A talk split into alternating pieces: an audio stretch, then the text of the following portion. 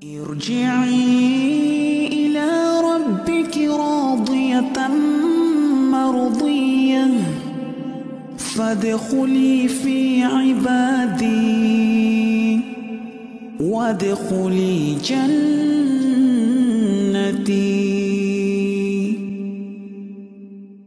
بسم الله الرحمن الرحيم. السلام عليكم ورحمة الله وبركاته. Alhamdulillahi rabbil alamin. Wassalatu wassalamu ala ashrafil anbiya'i wal mursalin. Wa ala alihi wa ashabihi wa man tabi'ahum bi ihsanin ila yaumiddin. Amma ba'du. Alhamdulillah segala puji bagi Allah Subhanahu wa taala yang telah kembali memberikan kepada kita kesempatan, kesehatan, sehingga kita bisa melanjutkan pembahasan kita kitab Syarhus Sunnah dan semoga Allah Subhanahu wa taala senantiasa memberikan kepada kita ilmu yang bermanfaat, amalan-amalan yang saleh yang mana dengan ilmu yang bermanfaat tersebut dan amalan-amalan yang saleh Allah Subhanahu wa taala memudahkan langkah kita masuk ke dalam surganya.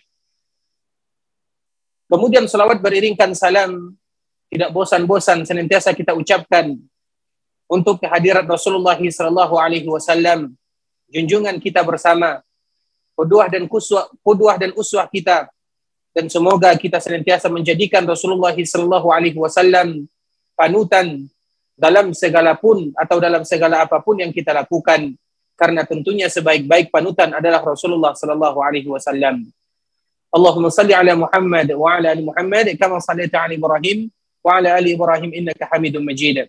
Allahumma barik ala Muhammad wa ala ali Muhammad كما باركت على ابراهيم وعلى ال ابراهيم انك حميد مجيد. Sebelumnya kami mengucapkan jazakumullahu khaira terkhusus kepada sahabat ilmu Darmais, Bapak Ibu, para profesor, doktor, dokter dan yang semisalnya sejajarannya dan kepada kita bersama Semoga Allah Subhanahu wa taala senantiasa melimpahkan taufik hidayah, istiqamah, kesehatan kepada kita untuk senantiasa bisa beribadah kepada Allah Subhanahu wa taala karena memang kita adalah seorang hamba dan tentunya kita apabila mengenal siapa jati diri kita maka kita akan betul-betul menghabiskan ubudiyah hanya kepada Allah Subhanahu wa taala. Bapak Ibu rahimani wa rahimakumullah, Adapun pembahasan kita pada kesempatan yang berbahagia ini yaitu berkaitan tentang al-ajal. Mungkin semua kita mengetahui tentang yang namanya al-ajal. Pembahasan yang masyhur. Kata-kata yang sering kita dengar. Namun yang kita inginkan daripada pembahasan tersebut adalah bagaimana supaya kita semakin takut kepada Allah Subhanahu wa taala. Karena ini sifatnya adalah rahasia agar kita senantiasa mempersiapkan diri dengan yang terbaik, agar kita senantiasa melakukan yang terbaik, agar kita memberikan bekal yang indah, agar kita melakukan hal-hal yang akan memberikan manfaat kepada kita pada dunia yang berikutnya. Karena tentunya manusia mereka melewati empat fase. Yang pertama ketika mereka berada di dalam kegelapan, berada di dalam perut ibunya. Kemudian mereka pindah ke dunia yang fana, yang mungkin 60 atau 70 tahun saja kita tinggal di sana karena memang Nabi Shallallahu alaihi wasallam menyebutkan yang demikian tentang umur umatnya. Kemudian selanjutnya kita beralih ke dunia alam barzah dan ditutup dengan akhirat antara surga dan neraka yang mana tentunya kita berlomba-lomba untuk mencari surga Allah Subhanahu wa taala. Kemudian Imam Al-Muzani rahimahullahu taala kembali mengingatkan kepada kita bersama tentang al-ajal. Dan dia menyebutkan al-ajal. Wal khalqu mayyituna bi ajalihim. Inda inda nafadi arzaqihim. Wa inqita'i. Imam Al-Muzani menyebutkan wal khalqu mayyitun bi ajalihim. Inda nafadi arzaqihim. Wa inqita'i wal khalqu semua makhluk. Makhluk apa saja? Mayyitun maka mereka pasti akan meninggal biajalihim apabila waktu mereka sudah sampai. Inda ketika nafadi habis arzakihim yaitu ketika habis rezeki mereka. Wang qita'i terputus. Asarihim. Yaitu apa yang sudah mereka lakukan. Sehingga semuanya sudah terputus. Itulah yang disebut dengan al-ajal. Bapak Ibu ikhwani akhwati rahimani wa rahimakumullah. Uh, sebelum kita melanjutkan pembahasan kita yang insya Allah kalau seandainya kita masih memiliki waktu kita akan sambung kepada pembahasan yang berikutnya. Namun seperti biasa kalau ada di antara kita yang ingin membaca maka kami persilahkan. Hanya tidak sampai satu baris dan semoga Allah Subhanahu wa taala memberikan kemudahan kepada kita bersama kalau ada di antara kita yang ingin uh, membaca maka kami persilahkan barakallahu fikum wa jazakumullahu khairan Jazakumullah khairan kasiran uh, Ustaz. Ini alhamdulillah ada Pak Kamal yang uh, sudah raise hand. Silakan Pak Kamal. Assalamualaikum warahmatullahi wabarakatuh. Waalaikumsalam warahmatullahi wabarakatuh. Anda coba Ustaz. Silakan Pak Kamal. Barakallahu fikum. Bismillahirrahmanirrahim. Wal khalqu mayyituna bi ajalihim inda nafadi arzaqihim wanqita'i atharihim. Semua makhluk maka mereka pasti akan meninggal apabila waktunya telah tiba sesuai dengan ajal-ajal mereka. Yakni ketika habis rizki mereka dan terputus apa yang mereka telah lakukan. Barakallahu fikum Pak Jamal. Barakallahu fikum jazakumullahu khair. Baik, selanjutnya jika ada peserta lain yang ingin mencoba membaca, insya Allah akan dibantu oleh Ustadz Ariful Bahri.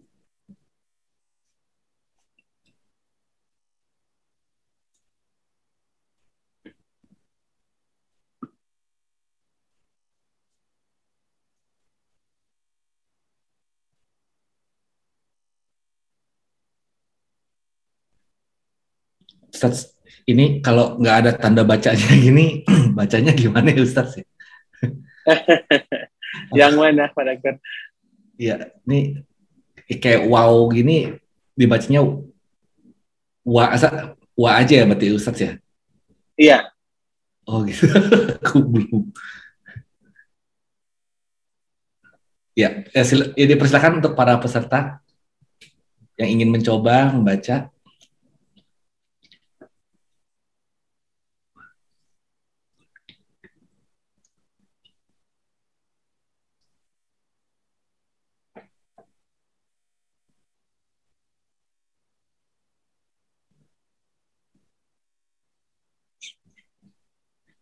Ya, dipersilakan untuk Anggit Bahana. Assalamualaikum warahmatullahi wabarakatuh.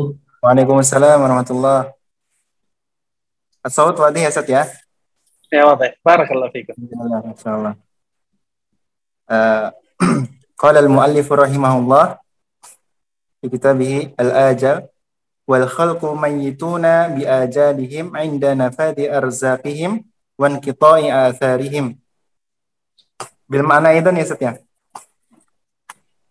dan setiap eh, jiwa eh, setiap manusia atau setiap makhluk akan eh, meninggal ya akan meninggal ya, dekat dengan eh, ajalnya ketika dia sudah habis rezeki-rezeki mereka dan telah terputus atharihim. Uh, Bagaimana Mas Hasan? Kan kita terputus Amalan atau amalan-amalan yang mereka lakukan. mereka yang lakukan ketika di dunia. Saya barakallahu fiik, Ustaz. Wa iyyakum barakallahu fikum. Dipersilakan untuk para peserta lainnya yang ingin mencoba membaca. Kebetulan kali ini hanya sedikit, tapi maknanya dalam.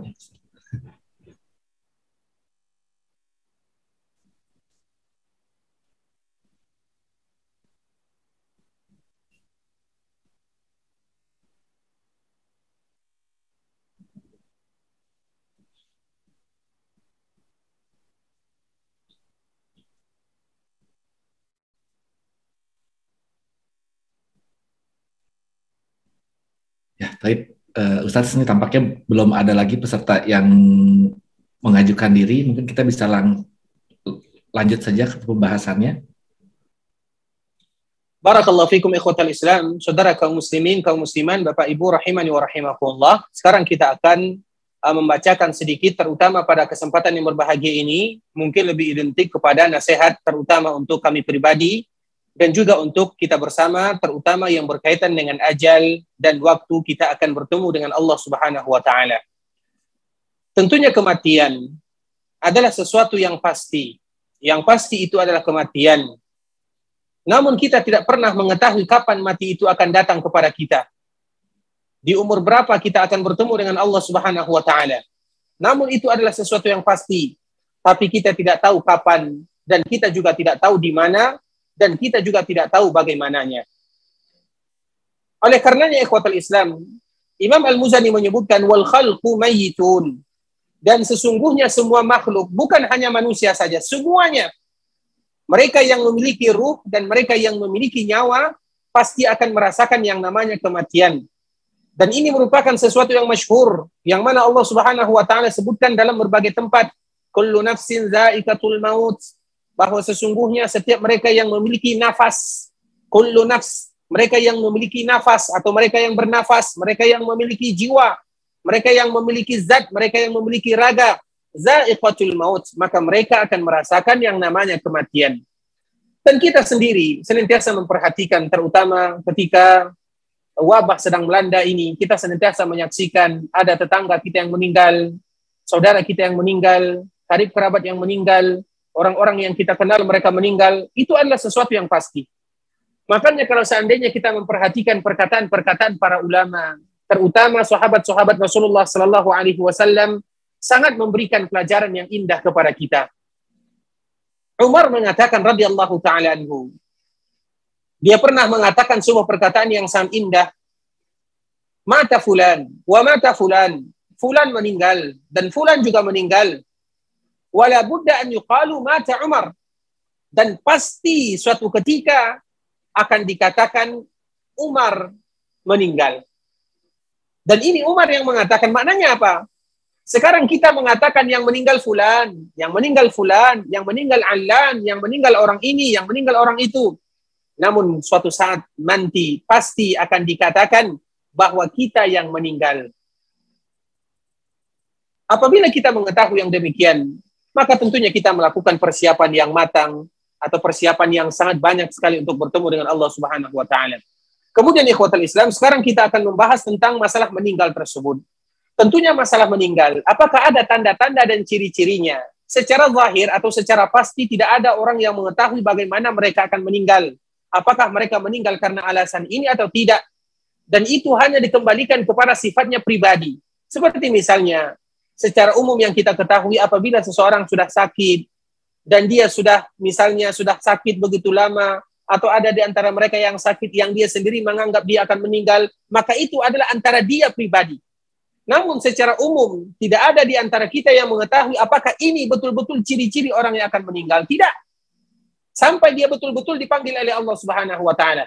Karena bagaimanapun kematian sifatnya tetaplah rahasia.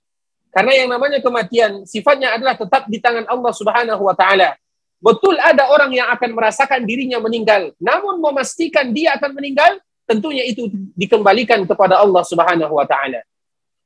Nah, sehingga apabila ada orang yang meninggal atau apabila ada orang yang sakit atau apabila ada orang mengetahui ciri-ciri akan meninggal, maka itu tidak satupun benar adanya di dalam agama.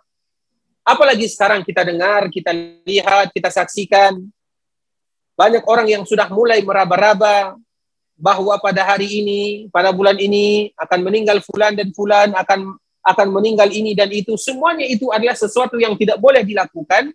Bahkan itu ada termasuk di antara dosa besar. Tidak boleh meraba-raba sesuatu yang namanya perkara gaib. Tidak boleh bagi kita. Terutama yang namanya kematian.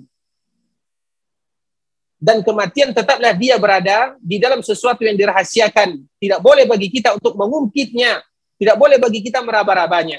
Namun kita senantiasa merasakan.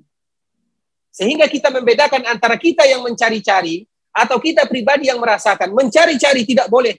Namun ketika kita merasakan, terutama dalam keadaan-keadaan tertentu, maka tidak menjadi masalah tanpa memastikan.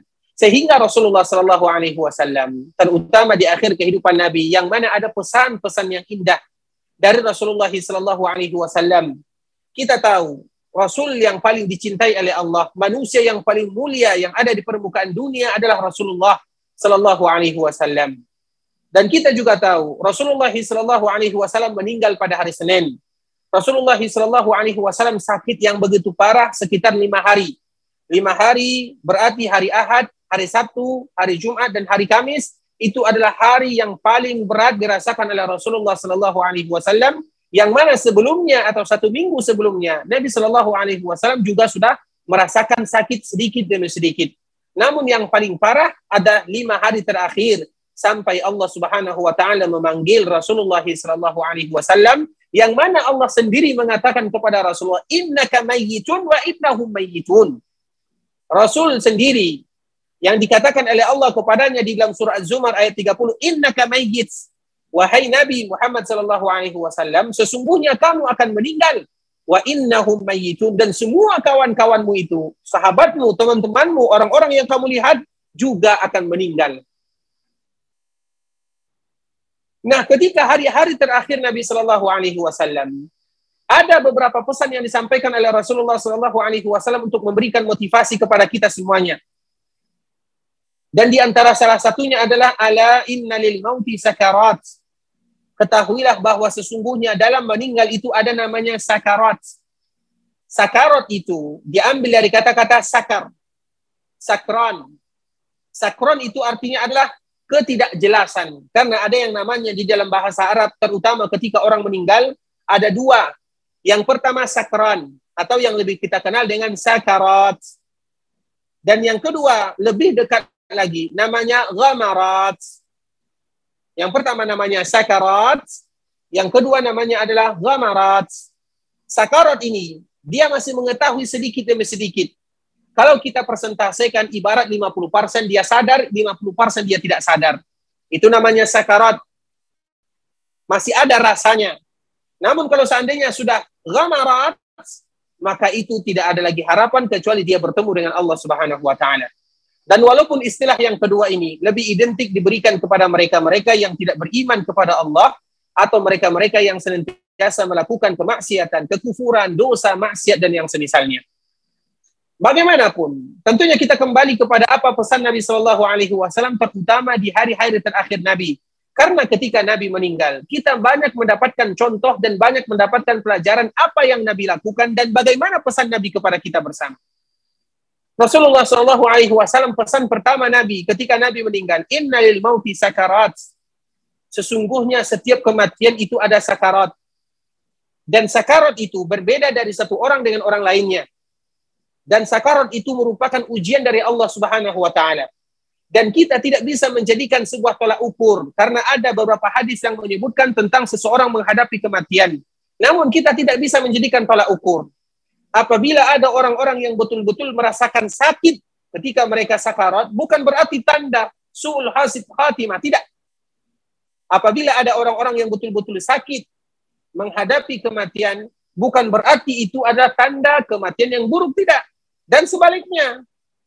Kenapa demikian? Dan itu tergantung kepada seorang hamba. Ketika seorang hamba, terutama di dalam mendapatkan ujian, dan di antara ujian tersebut adalah sakitnya kematian, apabila mereka sabar, maka itu adalah di antara bentuk Allah Subhanahu wa taala menggugurkan dosanya. Sehingga Nabi Shallallahu alaihi wasallam merasakan sakarat dan merasakan bagaimana sakit yang begitu sakit.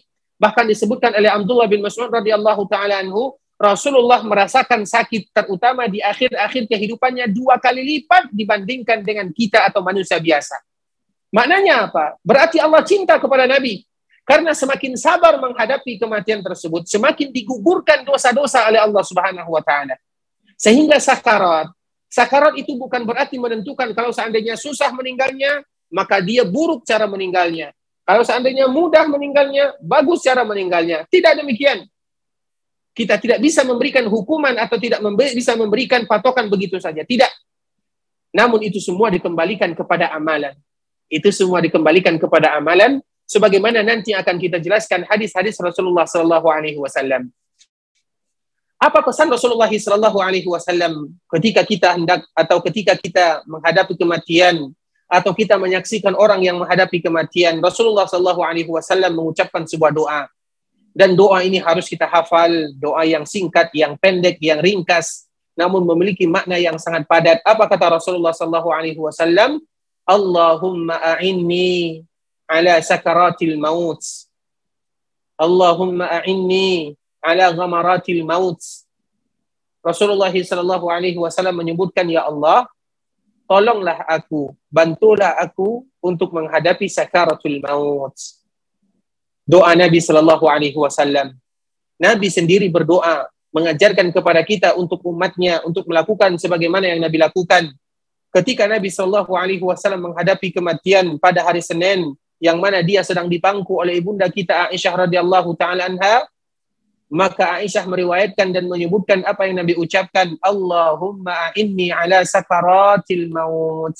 Ya Allah bantu kami untuk menghadapi yang namanya kematian Kemudian setelah Rasulullah Shallallahu Alaihi Wasallam menyebutkan doa tersebut, maka Rasul pun mengangkat ke tangannya, mengangkat telunjuknya dan mengatakan, Allahumma ar-rafiqul a'la, ar-rafiqul a'la. Ya Allah, sesungguhnya aku memilih bertemu denganmu, aku memilih bertemu denganmu.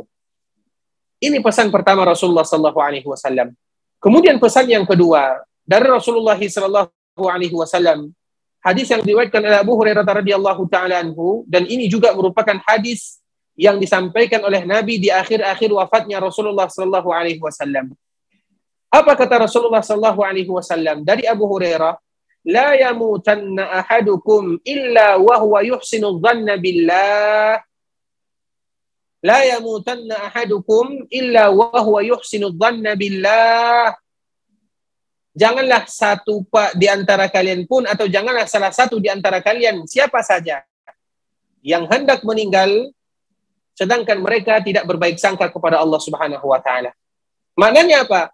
Berbaik sangka kepada Allah Subhanahu wa taala terutama di detik-detik terakhir kita akan berpisah dengan dunia. Nah, ini adalah poin yang terpenting yang akan kita sampaikan. Terutama al-khalqu mayyituna bi ajalihim ketika semua makhluk akan meninggal apabila habis ajalnya, datang waktunya. Ketika orang tersebut meninggal, hendaklah mereka berbaik sangka kepada Allah Subhanahu wa taala. Sehingga Rasulullah Shallallahu alaihi wasallam menyebutkan di dalam hadis yang lain yang juga diriwayatkan dari ibunda kita Aisyah radhiyallahu taala anha, "Man ahabba liqa Allah, ahabba Allahu liqa'ah." Barang siapa yang suka bertemu dengan Allah, maka Allah pun akan suka bertemu dengannya. Ibunda kita Aisyah bertanya, "Ya Rasulullah, wa inna lanakrahul maut." Sesungguhnya kita benci yang namanya kematian. Semua kita tidak suka. Siapa di antara kita yang ingin meninggalkan dunia dan itu adalah tabiat manusia? Semua kita benci. Bahkan Aisyah menyebutkan, "Ya Rasulullah, siapa di antara kita yang tidak benci kepada kematian tersebut?" Dan bagaimana pula kita mencocokkan dengan hadis yang tadi disebutkan, "Man ahabba liqa Allah, ahabba Allahu liqa'ah." Barang siapa yang suka ingin bertemu dengan Allah, Allah pun akan suka bertemu dengannya. Maknanya apa? Ketika seseorang berbaik sangka kepada Allah, maka Allah akan memberikan kepadanya kemudahan untuk bertemu dengannya. Man ahabba liqa Allah, ahabba Allahu liqa'ah. Barang siapa yang suka bertemu dengan Allah, maka Allah pun akan suka bertemu dengannya. Ibunda kita Aisyah menyebutkan, Ya Rasulullah, wa inna lana kerahul maut. Sesungguhnya kita benci dengan kematian. Apa kata Rasulullah Sallallahu Alaihi Wasallam? Dan ini sama dengan apa yang Nabi pesankan kepada kita, terutama di akhir kehidupan Nabi Sallallahu Alaihi Wasallam yang tadi telah kita sebutkan. La yamutanna illa wa huwa yuhsinu dhanna billah. Jangan ada di antara kalian yang akan meninggal kecuali dia akan atau kecuali dia berbaik sangka kepada Allah Subhanahu wa taala. Bagaimana kita berbaik sangka dan bagaimana cara mendatangkan berbaik sangka tersebut agar kita mudah agar Allah suka bertemu dengan kita dan kita juga mudah bertemu dengan Allah Subhanahu wa taala. Maka Rasulullah Shallallahu alaihi wasallam menyebutkan seorang mukmin seorang mukmin ketika mereka berada di detik-detik terakhir kehidupannya maka Allah Subhanahu wa taala akan memberikan kepadanya kabar gembira dengan amalan-amalan yang akan senantiasa menemaninya sehingga dia pun akan tertawa tersenyum ingin bertemu dengan Allah Subhanahu wa taala. Bagaimana bentuknya? Allah memberikan kepadanya kabar gembira. Semua ibadah yang pernah dia lakukan akan dirubah oleh Allah Subhanahu wa taala dalam bentuk rupa. Dan Allah Subhanahu wa taala mudah merubah sesuatu sesuatu yang mungkin tidak bisa dilihat menjadi sesuatu yang terlihat. Itu mudah bagi Allah Subhanahu wa taala. Bukankah kita pernah mendengar Rasulullah Shallallahu alaihi wasallam menyebutkan ketika seseorang dikuburkan yang mana akan kita bahas pada pembahasan yang berikutnya. Ketika seseorang dikuburkan, maka akan ada orang yang menemaninya. Orang itu siapa? Orang itu adalah amalannya. Kita tidak pernah melihat amalan kita karena amalan itu bukanlah sesuatu yang berbentuk sifatnya. Namun mudah bagi Allah untuk merubahnya menjadi berbentuk rupa. Begitu juga nanti ketika seseorang menghadapi sakaratul maut atau di akhir kehidupan mereka. Allah Subhanahu wa taala memberikan kepadanya kabar gembira yaitu semua amalan-amalannya didatangkan oleh Allah Subhanahu wa taala dalam bentuk rupa. Bagaimana bentuknya? Datang ibadah salat yang sering dia lakukan dari arah kanan dari dari arah atasnya. Datang ibadah puasa yang dia lakukan dari arah kanannya datang ibadah zakat, sedekah, infak yang pernah dia berikan dari arah kirinya. Datang ibadah dia berbakti kepada orang tuanya, menyambung tali silaturahimnya, melakukan kebaikan-kebaikan yang sangat banyak di arah bawahnya. Sehingga amalan-amalan yang ketika dia hendak menghadapi sesuatu yang terberat dalam kehidupannya datang memberikan kepadanya kabar gembira yang mana amalan-amalan tersebut akan menemaninya dan ketika dia melihat banyak amalannya yang bisa menemaninya, maka di sanalah dia suka bertemu dengan Allah. Maka di sana dia akan mulai tersenyum. Maka tidak sering atau sering kita memperhatikan, sering kita melihat betapa banyak kaum muslimin mereka dipanggil oleh Allah Subhanahu wa taala dalam keadaan tersenyum, dalam keadaan seolah-olah mereka dalam keadaan sesuatu yang paling berbahagia. Dan kenapa tidak? Ternyata Allah Subhanahu wa taala memperlihatkan kepada mereka amalan-amalan yang pernah mereka lakukan dan amalan tersebutlah yang membuat mereka bahagia. Dan ketika mereka bahagia maka malaikat pun mencabut nyawa mereka dalam keadaan berbahagia ingin bertemu dengan Allah Subhanahu wa taala. Itulah yang disebutkan oleh Rasulullah sallallahu alaihi wasallam. Man ahabba liqa Allah ahabba Allahu liqa'ah. Barang siapa yang cinta, suka bertemu dengan Allah, Allah pun suka bertemu dengannya. Suka bertemu dengan Allah maknanya apa? Yaitu kematian.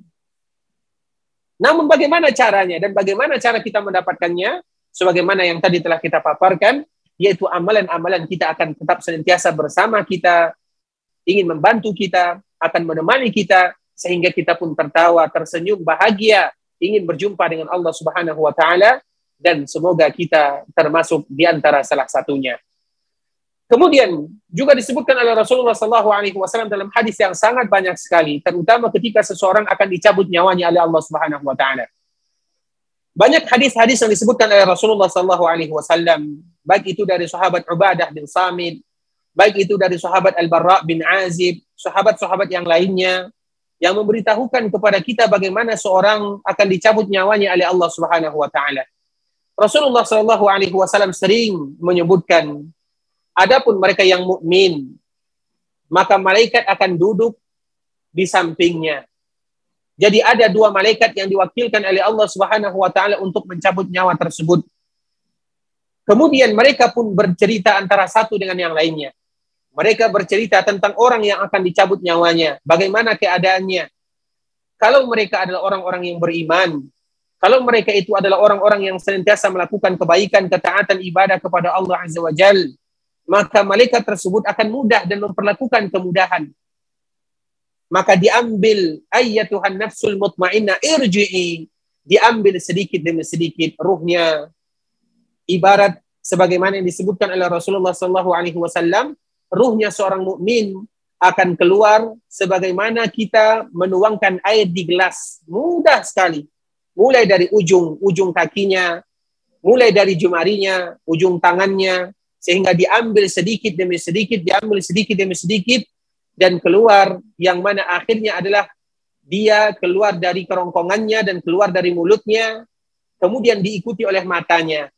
Sehingga kita melihat hadis Rasulullah Shallallahu Alaihi Wasallam bahwa mata itu mengikuti ruh. Sehingga sering kita menjumpai ada orang yang meninggal, kemudian mereka melihat ke arah atas. Itu bukan pertanda buruk, namun dia ingin melihat bagaimana ruhnya keluar dari jasadnya. Makanya dianjurkan bagi kita untuk menutupi mata orang yang sudah meninggal. Karena mereka akan memperhatikan ruhnya keluar dengan sangat mudah karena malaikat mengetahui dia adalah orang-orang baik. Kemudian setelah malaikat tersebut mencabut ruhnya, maka malaikat ini tidak tinggal diam, dimasukkan ke tempat yang bagus. Kemudian langsung dibawa ke atas. Yang mana jasad ini atau yang mana ruh ini memiliki bau yang sangat wangi sehingga seluruh penduduk bumi dan penduduk langit mereka membau wanginya yang sangat indah, yang sangat harum. Dan mereka bertanya-tanya, ini ruh siapa? Ini wangi apa? Dan mana datangnya? Maka disebutlah namanya itu adalah fulan, itu adalah alan, itu adalah orang yang rajin beribadah kepada Allah, rajin melaksanakan amal baik, rajin melaksanakan kebaikan-kebaikan, mereka menghabiskan dirinya untuk beribadah kepada Allah Azza wa Jal. Mereka memprioritaskan kehidupan akhirat dibandingkan dengan kehidupan dunia. Kemudian bertemu sampai ke langit pertama, ke langit kedua. Kemudian apa kata Allah Subhanahu wa taala? Setelah memberikan memamerkan ruh yang bagus tersebut, apa kata Allah Subhanahu wa taala? Kembalikan hambaku. Kembalikan mereka, kembalikan ruhnya ke jasadnya. Minha khalaqanakum wa fiha nu'idukum wa minha nu'idukum maratan ukhra. Allah Subhanahu wa taala menyebutkan minha khalaqanakum wa fiha nu'idukum. Karena ruh tersebut, karena jasad tersebut dari bumi aku ciptakan dan aku akan mengembalikan ke bumi. Itu adalah jiwa mereka yang beriman, berbakti, atau mereka yang senantiasa melakukan kebaikan beribadah kepada Allah Subhanahu wa taala sangat mudah sekali. Kemudian bagaimana pula dengan mereka yang tidak demikian? Disebutkan oleh Barra bin Azib radhiyallahu taala anhu melanjutkan ceritanya.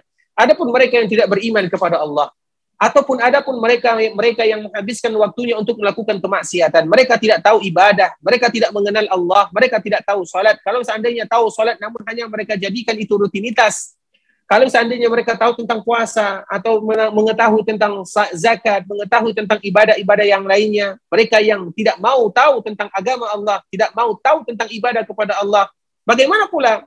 Maka malaikat pun akan mengeluarkan ruhnya. Namun ibarat ditarik oleh malaikat dan malaikat tidak merasa iba sedikit pun. Kemudian setelah ruh tersebut keluar, langsung dibawa dan ruh itu mengeluarkan bau yang tidak sedap muntina.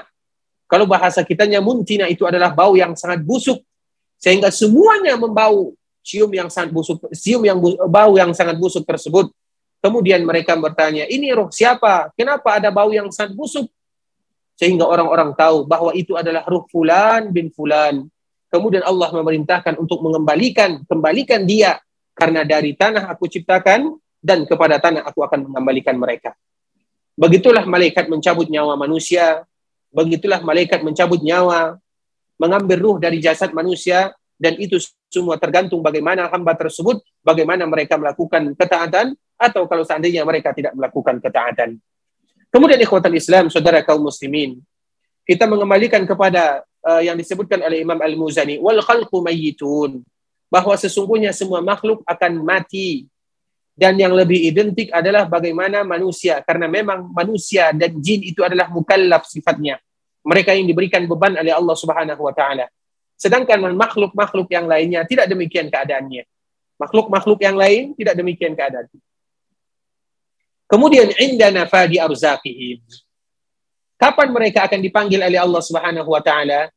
Ketika habis jatah rezeki yang Allah berikan kepada mereka dalam satu sisi, ini merupakan kabar gembira, memberikan motivasi kepada kita untuk tetap semangat beribadah kepada Allah Subhanahu wa taala sambil kita berusaha untuk mencari dunia. Sehingga prioritas kita adalah akhirat dan kalau seandainya Allah memberikan kepada kita sedikit bagian daripada dunia, jadikan dunia itu untuk mencapai Allah Subhanahu wa taala. Jadi dunia yang kita jadikan untuk mencari akhirat, bukan akhirat yang harus kita korbankan untuk mencari dunia. Ketika Allah memberikan kepada kita kelebihan, Allah lebihkan kita, berikan kepada kita sedikit tentang dunia, jadikan itu sebagai batu loncatan untuk menggapai akhirat. Misalnya Allah memberikan kepada kita kesehatan, manfaatkan untuk beribadah. Ketika Allah memberikan kepada kita ilmu pengetahuan, manfaatkan untuk membantu kaum muslimin. Ketika Allah Subhanahu wa taala memberikan kepada kita uang yang berlebih, lakukan sesuatu yang akan tersisa dan yang akan bisa kita bawa bertemu dengan Allah Subhanahu wa taala. Itulah maknanya. Jadikan dunia tersebut untuk mencari akhirat. Jangan korbankan akhirat untuk mengejar dunia. Maknanya apa? Jangan kita gara-gara mencari dunia, akhirat tinggal. Kita lalai salat, lalai berpuasa, tidak mau lagi ke masjid, tidak mau lagi mendengarkan pengajian. Itu tidak boleh. Kenapa? Karena semuanya yang menyebabkan kita lalai apa? Karena uang dan karena harta.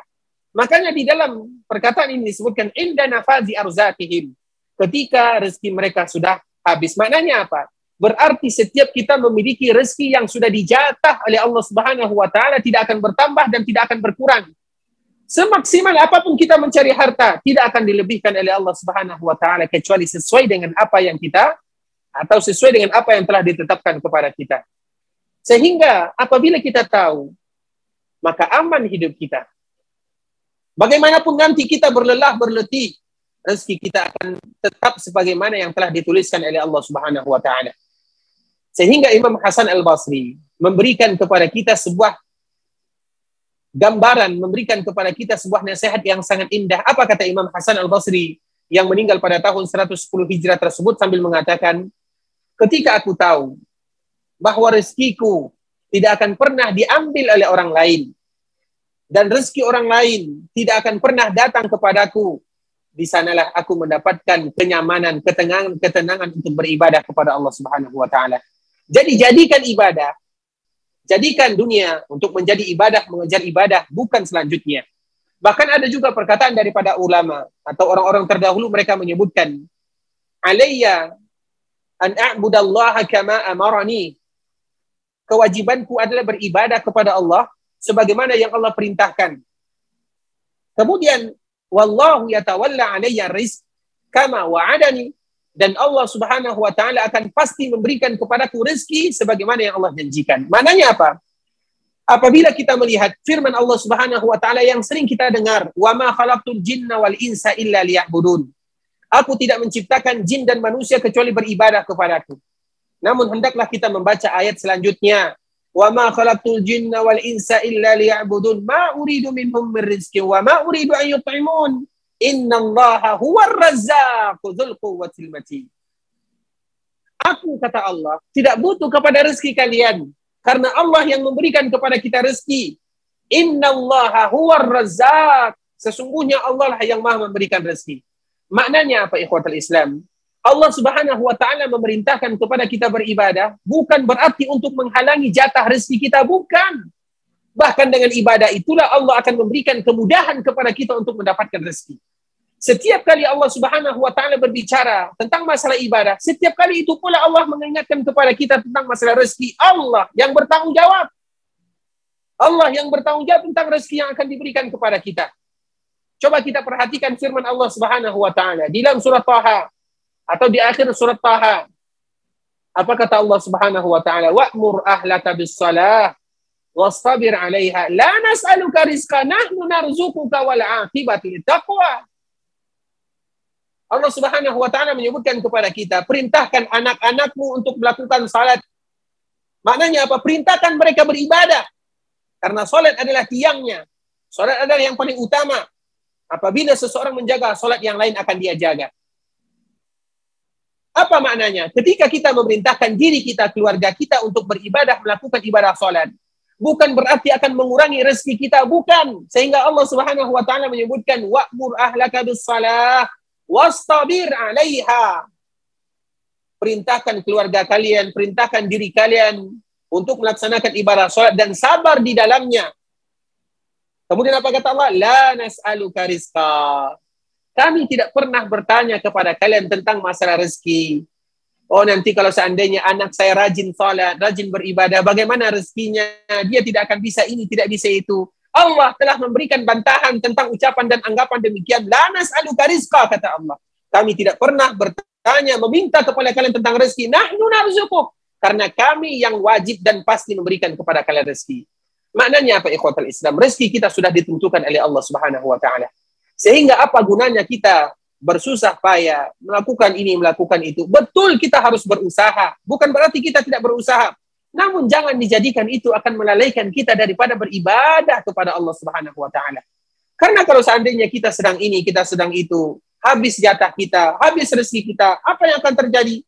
Tidak ada lagi yang akan terjadi kecuali kita akan bertemu dengan Allah Subhanahu wa taala. Apabila rezeki kita habis, maka jatah kita di dunia itu pun sudah mulai habis atau itu pun sudah habis dan kita akan kembali kepada dunia yang berikutnya yang dinamakan dengan dunia barzakh. Makanya di sini ada uh, sedikit kisah mungkin bisa memberikan manfaat kepada kita bagaimana Allah Subhanahu wa taala tidak akan mengambil atau tidak akan mewafatkan seorang hamba kecuali rezekinya sudah diberikan secara keseluruhan. Ada sebuah kisah yang masyhur yang dituliskan oleh para ulama tentang salah seorang yang masuk terjatuh ke dalam sebuah sumur. Jadi ada orang yang dia terjatuh ke dalam sebuah sumur, namun dia belum sampai ajalnya. Dia minta tolong dan ada yang menolongnya. Kebetulan ada orang yang lewat. Kemudian ditolong dan akhirnya dia sampai ke dasar sumur. Kemudian tersenyum dan diberi, masih diberikan oleh Allah Subhanahu wa taala umur panjang. Kemudian setelahnya, maka orang-orang pun duduk di sana ingin bertanya kepadanya, "Kenapa kamu bisa masuk ke dalam sumur tersebut?" Tentunya sambil bertanya, maka orang lain memberikan kepadanya minuman karena bisa jadi dia tidak bisa bernapas di dalamnya, dia mungkin sudah uh, lama di dalamnya sehingga orang-orang yang datang menolongnya memberikan kepadanya minum akhirnya diberikan kepada orang tersebut minuman kemudian akhirnya dia minum satu gelas dia meminum minuman satu gelas kemudian orang bertanya kepadanya untuk bertanya kenapa kamu bisa masuk ke dalam sumur ketika selesai dia minum satu gelas tersebut maka akhirnya ketika hendak menerangkan bagaimana dia jatuh dia ter terjatuh kembali setelah dia minum satu gelas ingin menjelaskan kenapa dia bisa terjatuh entah apa yang menjadi permasalahan, akhirnya dia jatuh kembali. Nah, jatuh yang kedua ini, akhirnya dia meninggal di sana. Apa maknanya? Karena Allah Subhanahu wa taala belum memberikan kepadanya dan belum menyempurnakan rezekinya satu gelas air. Coba bayangkan, satu gelas air saja. Allah Subhanahu wa taala akan memberikan semuanya kepada hamba. Apalagi yang lainnya. Jadi ini merupakan motivasi kepada kita. Jangan terlalu memikirkan tentang masalah dunia, yang akan membuat kita lalai daripada beribadah kepada Allah Subhanahu wa taala. Jadikan cita-cita kita yang pertama adalah beribadah untuk masuk dan mencapai surga karena itulah yang akan membuat kita bahagia untuk selama-lamanya. Itulah tujuan daripada hidup kita. Jangan terlalu dibawa mimpi, jangan terlalu dibawa tidur, jangan terlalu dibawa ke dalam pemikiran kita apa pun yang terjadi. Di dalam kehidupan dunia ini jangan pernah melalaikan kita bahkan dengan dengan bahkan dengan permasalahan yang kita hadapi tersebutlah kita harus senantiasa beribadah kepada Allah karena ibadah adalah penyelesaian seluruh permasalahan. Di zaman Nabi Shallallahu Alaihi Wasallam. Dan ini adalah hadis dari salah seorang sahabat Umamah Al Bahili radhiyallahu taala anhu. Dia menghadapi masalah yang sangat berat. Apa masalah yang biasanya dihadapi oleh manusia? Tidak lain tidak bukan adalah masalah keuangan masalah harta masalah makanan, itu semuanya adalah permasalahan kita bersama. Begitu juga di zaman sahabat Nabi Shallallahu Alaihi Wasallam, permasalahannya itu juga. Abu Umama Al Bahili radhiyallahu taala anhu, dia menghadapi masalah yang besar, memiliki hutang yang sangat banyak. Apa solusinya dan apa yang dia lakukan? Yang dia lakukan adalah datang ke rumah Allah, datang ke masjid beribadah kepada Allah, sehingga dengan datangnya dia ke masjid tersebut dan dengan duduknya dia di sana, maka kita mendapatkan bagian daripada apa yang disebutkan oleh Rasulullah untuknya. Apa kata Rasulullah ketika Rasul melihatnya? Wahai Abu Umamah, mali araka? Wahai Abu Umamah, kenapa kamu ada di sini? Tentunya dia menceritakan permasalahan yang dia hadapi dan ini merupakan permasalahan kita bersama. Semua permasalahan kita sama. Apa kata Rasulullah Sallallahu Alaihi Wasallam? Wahai Abu Umamah, Maukah aku sebutkan kepadamu sebuah permasalahan atau sebuah kata-kata, sebuah kalimat yang apabila kamu sebutkan, kamu baca, Allah akan menghilangkan semua permasalahanmu. Allah akan menghilangkan. Dalam waktu yang singkat, Allah akan hilangkan. Namun tentunya kita butuh dengan mengucapkan dengan iman, dengan kekuatan, dengan harapan kepada Allah Subhanahu wa taala. Akhirnya Rasul ajarkan kepada Abu Umamah dan Abu Umamah menerapkan apa yang Nabi sebutkan. Sehingga apa yang terjadi? Di dalam riwayat yang lain disebutkan, tidak berselang tiga hari saja, kecuali seluruh permasalahan Abu Umamah hilang. Namun bagaimana? Yaitu dengan kembali beribadah kepada Allah Subhanahu wa taala. Karena rezeki adalah masalah yang mungkin semua manusia banyak di antara kaum muslimin yang lalai gara-garanya daripada beribadah kepada Allah Subhanahu wa taala sehingga ini merupakan di antara bentuk kenapa Imam Al-Muzani menyebutkan indana fadi arzakihim ketika rezeki mereka sudah habis baru mereka akan meninggal. Maknanya apa? Jangan membuat kita terlalu terlalai dengan kehidupan dunia, mengejar dunia karena bagaimanapun kita sudah ditentukan oleh Allah Subhanahu wa taala walaupun kita tetap berusaha namun jangan itu dia dijadikan yang pertama. Kemudian wang atharihim dan telah terputus amalan-amalan mereka apa yang sudah mereka lakukan sehingga kita pun harus mencari uh, sesuatu yang akan bisa kita bawa bertemu dengan Allah Subhanahu wa taala dan ini sebagaimana yang disebutkan oleh Ali bin Abi Talib radhiyallahu taala anhu, "Al-yaumu amalun wala hisab, wa ghadan hisabun wala amal. Inna likullin banin, fakunu min abna'i dunya, fakunu min abna'il akhirah, wala takunu min abna'i dunya." Setiap sesuatu memiliki anak, memiliki ikutan, maka hendaklah kalian menjadi ikutan akhirat, jangan sesekali kalian menjadi anak-anaknya dunia. Al-yauma amalun wala hisab, wa gadan hisabun wala amal. Imam Imam Ali radhiyallahu taala anhu menyebutkan bahwa hari ini dikala kita masih diberikan kehidupan oleh Allah Subhanahu wa taala, hari ini adalah amalan tanpa ada hisab dan besoknya maknanya setelah kita meninggal hisabun wala amal. Tidak ada lagi yang namanya amalan, yang tersisa adalah hisab. Sehingga apabila kita mengetahui, maka kita akan termotivasi untuk melakukan yang terbaik. Sehingga terputus amalan-amalan manusia, kecuali yang telah dikecualikan oleh Allah Subhanahu wa taala melalui lisan Rasulullah sallallahu alaihi wasallam dan di antara hal-hal yang dikecualikan oleh Rasulullah sallallahu alaihi wasallam yang bisa kita lakukan, yang bisa kita terapkan baik itu semuanya atau salah satu di antaranya sehingga itulah yang akan membuat tersisa yang akan tetap senantiasa sampai kepada kita walaupun kita sudah bertemu dengan Allah Subhanahu wa taala. Yang pertama adalah anak yang saleh. Anak yang saleh, baik itu anak kita atau anak yang pernah kita ajarkan, atau anak didik kita, atau orang yang kita didik, atau orang yang kita sekolahkan, apabila ada seorang anak yang dia saleh karena kita, baik itu anak kita ataupun anak orang lain, anak siapa saja, maka kemudian mereka mendoakan kita, maka itu adalah sesuatu yang pasti sampai kepada kita walaupun kita sudah berjumpa dengan Allah Subhanahu wa taala. Kemudian apalagi ilmu yang bermanfaat. Dan ilmu yang bermanfaat apa? Sebenarnya di sini adalah sesuatu yang akan memberikan manfaat untuk manusia secara umum. Manfaat apa saja. Namun yang terlebih adalah apabila disebutkan dengan kalimat-kalimat ilmu, maka maknanya adalah ilmu agama yang akan memberikan motivasi kepada manusia untuk senantiasa beribadah kepada Allah Subhanahu wa taala. Kemudian yang ketiga apa? Yang ketiga adalah amalan jariah, sedekah jariah. Sesuatu yang sifatnya jari, yang berkesenambungan. Apa pun bentuknya. Nah, di dalam amalan jari ini disebutkan secara terperinci oleh Rasulullah Shallallahu Alaihi Wasallam dalam hadis yang lainnya, yaitu baik itu berupa mushaf. Makanya mushaf, kalau seandainya kita bisa, kita wakafkan, kita infakkan ke rumah Allah, berikan kepada anak-anak kaum muslimin yang mereka mengaji. Tidak satu pun anak-anak kaum muslimin yang bisa mengaji. Gara-gara mushaf kita, maka akan mereka mendapatkan jatahnya. Begitu juga dengan masjid, Begitu juga dengan sumur, sumur-sumur yang dibangun untuk kaum muslimin ketika mereka tidak memiliki air. Begitu juga sungai yang dialirkan. Nah, tujuh ini, tujuh ini merupakan di antara hal yang akan memberikan faedah kepada kita bahkan ketika kita sudah berjumpa dengan Allah Subhanahu wa taala pun maka hendaklah kita bersiap-siap apa yang akan kita jadikan tabungan agar pahala tersebut tetap mengalir bagi kita dan yang terbaik adalah dari itu semua adalah ilmu yang bermanfaat, anak yang saleh dan hal-hal yang sifatnya jariah yang akan senantiasa mengalir pahalanya kepada kita. Ikhwatal Islam, Bapak Ibu rahimani wa rahimakumullah, ini merupakan nasihat untuk kami pribadi, untuk kita bersama agar kita tetap senantiasa menjadikan Allah yang pertama dan agar kita menjadikan dunia ini yang kedua dan jadikan dunia di tangan kita, jangan letakkan dunia di dalam hati kita. Hati kita cukup untuk Allah Azza wa Jalla hati kita untuk Rasulnya, untuk agamanya, dan untuk akhirat. Dan semoga Allah subhanahu wa ta'ala menjaga kita bersama. Barakallahu fikum wa jazakumullahu khairan.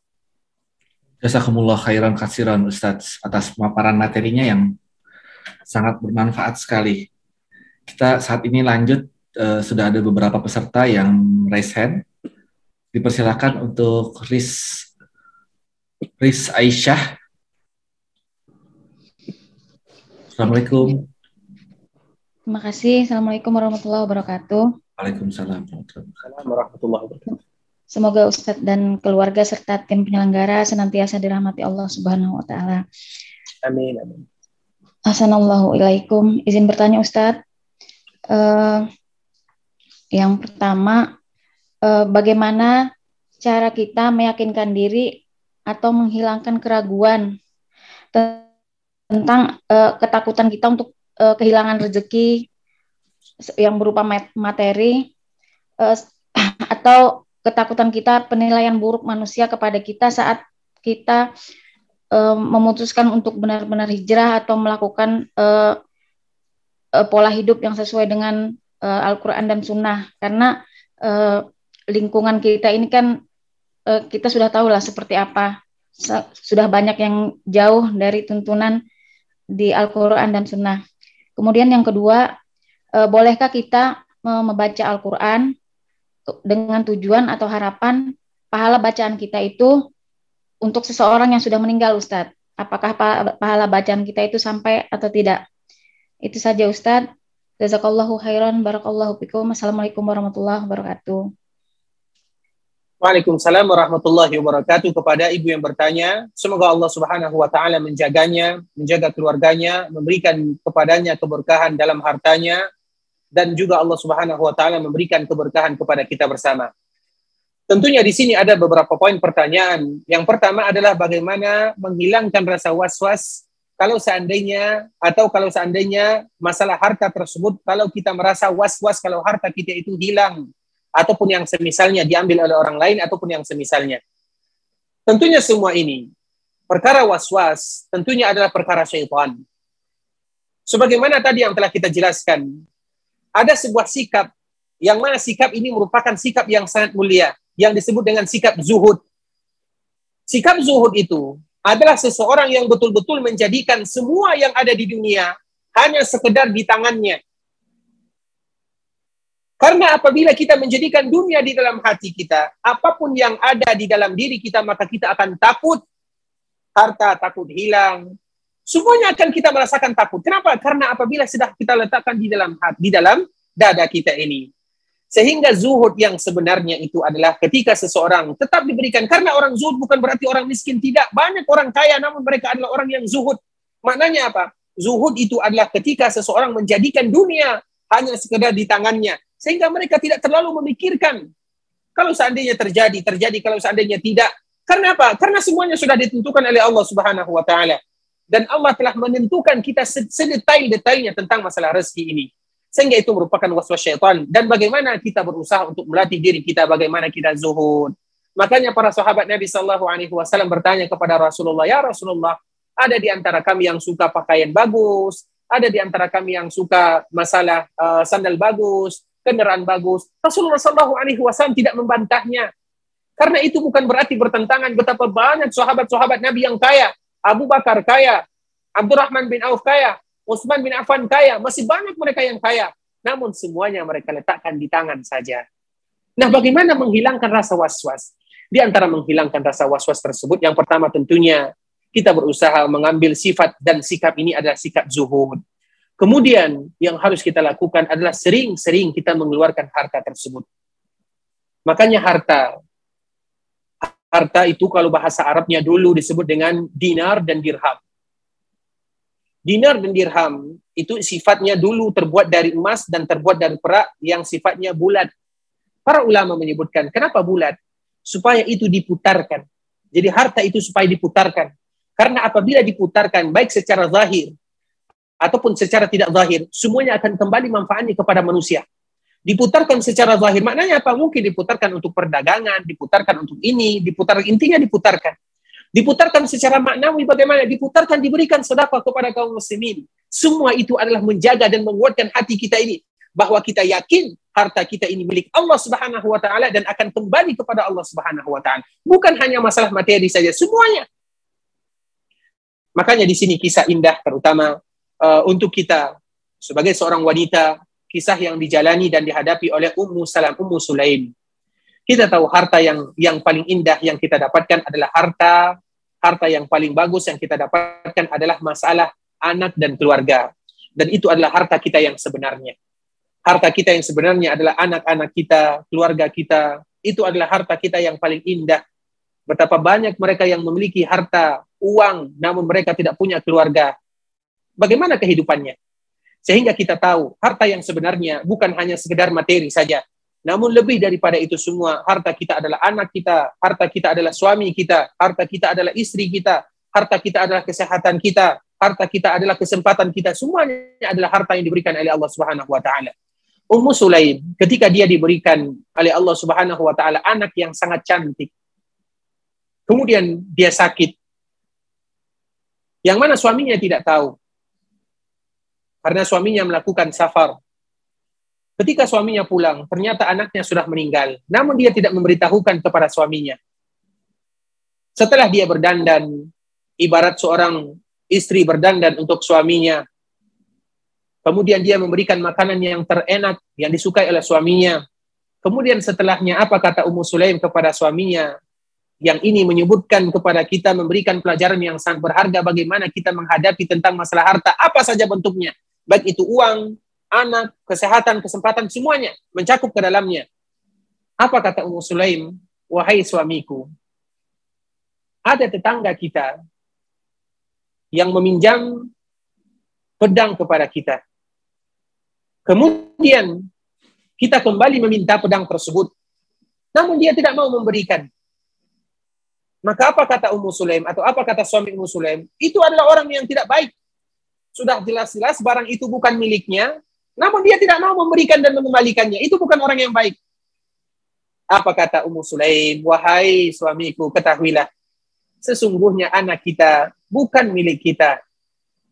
Sesungguhnya anak kita adalah milik Allah Subhanahu wa taala dan sekarang Allah kembali memintanya. Allahu akbar. Ungkapan yang akan membuat semangat motivasi kepada kita bersama. Apa saja yang kita miliki, kalau seandainya diambil oleh Allah Subhanahu wa taala ketahuilah itu punya Allah. Bahkan jiwa kita juga punya Allah Subhanahu wa taala. Makanya ketika kita mendapatkan musibah apa saja bentuknya, kematian, kehilangan, apa saja, inna lillahi wa inna ilaihi raji'un. Kita punya Allah dan akan kembali kepada Allah. Sehingga tidak apa yang kita takutkan. Kita betul berusaha. Namun rasa takut itu adalah was-was syaitan untuk senantiasa menjadikan manusia was-was senantiasa menjadikan mereka akan berpaling. Karena apabila sudah ada rasa takut kehilangan ini, kehilangan itu, maka di sanalah kita akan disibukkan bagaimana menjaganya, bagaimana ini, bagaimana itu. Bukan berarti kita tidak berusaha, bukan. Namun semuanya kita harus serahkan kepada Allah Subhanahu wa taala. Sehingga yang harus kita lakukan adalah senantiasa mendengarkan motivasi, nasihat, semangat, terutama ayat-ayat Al-Qur'an dan juga hadis-hadis Rasulullah sallallahu alaihi wasallam. Kemudian untuk pertanyaan yang selanjutnya, masalah ketika kita ingin menghadapi saudara, keluarga, masyarakat yang mungkin mereka kita mengetahui keadaannya, tentunya kita tahu yang namanya hijrah kepada Allah bukanlah sesuatu yang ringan, butuh pengorbanan, butuh perjuangan. Orang yang melakukan ketaatan itu berat. Nabi sendiri yang menyebutkan, mereka yang melakukan ketaatan itu berat. Nah, bagaimana kita harus semangat? Tentunya kita harus uh, senantiasa yang memberikan motivasi tersebut, terutama di dalam masalah hijrah beribadah kepada Allah. Kita betul-betul ingin beribadah kepada Allah, meninggalkan berusaha meninggalkan sesuatu yang dilarang oleh Allah Subhanahu wa taala itu berat sekali, berat sekali. Sehingga kepada Allah kita memohon, kita sering biasa mengadu kepada Allah Subhanahu wa taala sambil kita mendoakan keluarga, tetangga, masyarakat kita agar mereka juga mendapatkan hidayah dari Allah Subhanahu wa taala. Kemudian pertanyaan yang terakhir yaitu hukum membaca Al-Qur'an untuk orang yang meninggal. Memang di sini terjadi perbedaan di antara para ulama, namun yang paling pasti dan ini adalah cara yang terbaik adalah ketika seseorang melakukan ibadah ibadah apa saja yang dilakukan, terutama membaca Al-Quran. Dan membaca Al-Quran merupakan ibadah yang paling mulia, karena yang kita baca adalah kalamullah azza wa jalla. Nah, di antara yang dianjurkan kita adalah setiap kali kita beribadah, di antara salah satunya adalah membaca Al-Quran, maka kita berdoa kepada Allah, Ya Allah, kita puji Allah, kita berselawat kepada Nabi, kemudian kita menyebutkan, Ya Allah, aku membaca Al-Quran, terimalah bacaan Al-Quranku. Kemudian aku bertawassul dengan bacaan ini ya Allah kepada fulan dan fulana. Misalnya ada di antara keluarga kita yang sudah meninggal. Dan itu pasti sampainya. Kenapa? Karena itu adalah bagian daripada bertawassul yang dianjurkan bertawassul dengan amalan-amalan saleh. Itu kalau seandainya yang meninggal adalah orang lain yang mungkin tidak ada hubungannya dengan kita. Namun kalau seandainya itu adalah keluarga kita, itu adalah orang tua kita secara otomatis. Terutama masalah keluarga apa apalagi masalah orang tua, apa pun yang dilakukan oleh anaknya membaca Al-Qur'an, berpuasa, diniatkan atau tidak diniatkan, maka orang tuanya akan mendapat bagian daripada apa yang mereka lakukan. Dan semoga Allah Subhanahu wa taala ampunkan orang tua kita jadikan perkuburan mereka taman di antara taman-taman surga. Begitu juga saudara-saudara kita yang telah mendahului kita. Barakallahu fikum Jazakumullah khairan Ustaz. Ini kita masih ada uh, pertanyaan dari Resen. Silakan Mufidah. Assalamualaikum warahmatullahi wabarakatuh. Assalamualaikum warahmatullahi wabarakatuh. Waalaikumsalam. Assalamualaikum Ustaz. Anak izin bertanya. Yang pertama, setiap manusia itu kan punya jin korin ya Ustaz. Nah, tatkala manusia itu meninggal, jin korinnya tersebut ke mana Ustaz? Yang kedua, amalan apa saja yang bisa memasukkan kita ke dalam surganya Allah tanpa hisap Ustaz? Yang ketiga, bau wangi dari si mayat itu apakah benar bisa tercium sama orang yang masih hidup? Demikian Ustaz. Jazakallahu khairan wa barakallahu fikum. Barakallahu fikum kepada ibu kita yang bertanya. Semoga Allah Subhanahu wa taala menjaganya, memberikan kemuliaan, taufik dan hidayah kepadanya dan Allah Subhanahu wa taala menjaga kita bersama.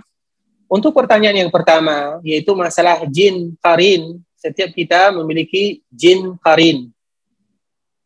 Ketika seseorang meninggal, ke mana jinnya? Wallahu taala alam, kita tidak tahu karena Nabi sallallahu alaihi wasallam tidak memberitahukan kepada kita namun yang harus kita ketahui tentunya jumlah mereka bahkan sebelum adanya kita mereka sudah ada. Jin secara umum mereka sudah ada sebelum adanya manusia bahkan mereka lah yang pertama kali uh, men menjadi penduduk dunia ini. Jadi masalah itu wallahu taala alam saya tidak tahu dan kita tidak tahu ke mana mereka pergi. Wallahu taala alam. Kemudian untuk pertanyaan yang kedua, bagaimana supaya kita masuk ke dalam surga tanpa dihisab dan tanpa diazab? pertanyaan yang semoga kita termasuk ke dalamnya. Rasulullah Shallallahu Alaihi Wasallam menyebutkan mereka yang bisa masuk surga ada empat golongan yang masuk surga tanpa dihisab dan tanpa diazab. Apa kata Rasulullah Shallallahu Alaihi Wasallam? Humul ladina la yastarqun, wa la yatatayyarun, wa la yaktawun, wa ala rabbihim yatawakkalun. Ada empat sifat yang mana ke seluruh sifat itu akan bergabung di poin yang keempat. Yang pertama siapa? Humul ladina la yastarkun. Mereka yang tidak minta diruqyah. Karena ruqyah itu, dulunya ruqyah itu adalah obat yang sangat ampuh. Dan memang ruqyah itu adalah obat yang sangat ampuh. Sehingga apabila seseorang minta dirinya diruqyah, dia khawatirkan nanti mereka menggantungkan kepada ruqyah tersebut, menggantungkan dirinya kepada obat tersebut. Makanya syariat bukan berarti melarang, namun mereka keluar daripada kategori yang disebutkan di dalam hadis Rasulullah Wasallam. Namun merukyah berbeda antara merukyah dengan dirukyah. Yang merukyah tidak menjadi masalah, namun yang minta dirinya untuk dirukyah. Sehingga kita harus saling menjaga. Maknanya bagaimana? Apabila ada teman kita yang ingin minta dirukyah, jangan sampai mereka yang meminta, kita yang menawarkan.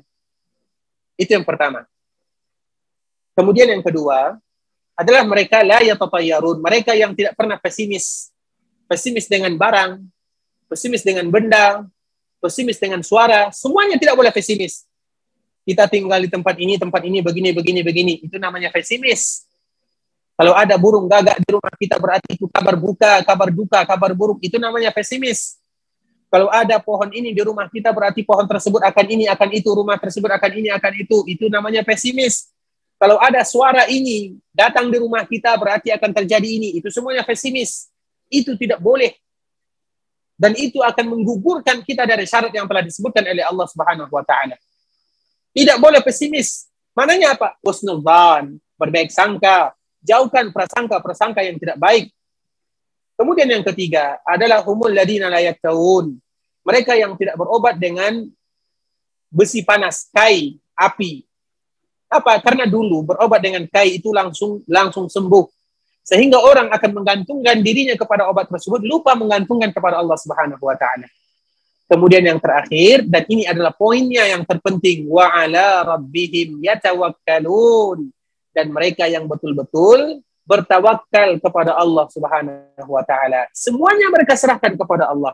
Hidup mereka, mati mereka, usaha mereka, harta mereka, keluarga mereka, anak mereka, suami mereka, istri mereka, wa ala rabbihim yatawakkalun. Itu adalah poin yang terpenting dan menyerahkan semua urusan kepada Allah. Sesuatu yang sulit kita lakukan karena kadang-kadang kita menganggap kita bisa menjaganya. Makanya di antara doa yang dianjurkan kita untuk membacanya, Ya Hayyu Ya Qayyum, birahmatika astaghis aslih li sya'ni kullah wa la takilni ila nafsi tarfata ain. Ya Allah jangan pernah sandarkan aku kepada diriku walaupun hanya sekejap mata. Maknanya apa? Wa ala rabbihim yatawakkalun. Ini adalah empat sifat yang apabila seorang hamba memilikinya maka mereka masuk surga tanpa dihisab dan tanpa diazab. Kemudian untuk pertanyaan yang ketiga, ketika ada bau wangi yang dirasakan oleh seseorang yang mana ada orang yang meninggal atau ketika bau tersebut, apakah itu bisa dirasakan dan dicium oleh manusia? Kita tidak bisa mengatakan secara umum. Hadis ini berbicara tentang penduduk langit dan penduduk bumi. Karena penduduk bumi itu banyak, bukan hanya manusia. Dan tercium oleh penduduk bumi selain manusia. Namun ada beberapa kejadian yang betul-betul seseorang itu juga bisa menciumnya. Dan itu adalah bagian daripada keramat yang diberikan oleh Allah kepada seseorang. Makanya banyak kisah-kisah yang kita dapatkan ketika seseorang meninggal, kemudian ada bau wangi di perkuburannya, ada bau wangi di jasadnya, maka itu adalah karamah dari Allah Subhanahu wa taala. Namun itu bukan berarti mesti demikian. Yang tidak ada baunya berarti bukan orang baik tidak. Namun apabila ada orang yang ada wanginya, berarti itu adalah kemuliaan yang Allah berikan kepadanya dibandingkan dengan yang lainnya. Dan kita berhasnullan menganggap itu adalah sesuatu pertanda baik untuknya. Dan semoga Allah subhanahu wa ta'ala menjaga kita bersama. Barakallahu fikum.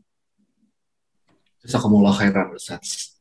Selanjutnya kepada Abu Zaki, dipersilakan. Assalamualaikum warahmatullahi wabarakatuh. Waalaikumsalam warahmatullahi wabarakatuh. Masya Allah. Terima kasih atas kesempatan yang telah diberikan kepada saya. Yang ingin saya tanyakan Ustadz, tadi Ustadz katakan di dalam hadis Nabi kalau tidak salah ida matal insana ing ayah uh, ketika anak Adam itu meninggal dunia maka terputuslah kecuali tiga hal. Yang pertama sedekah jariah ilmu yang bermanfaat dan anak yang soleh. Yang menjadi pertanyaannya mengenai anak mengenai dari tersebut apakah tidak bertentangan dengan ayat Al-Quran Ustadz yang bunyinya yauma la yanfa'u malun wala banun illa man ataullah biqalbin salim.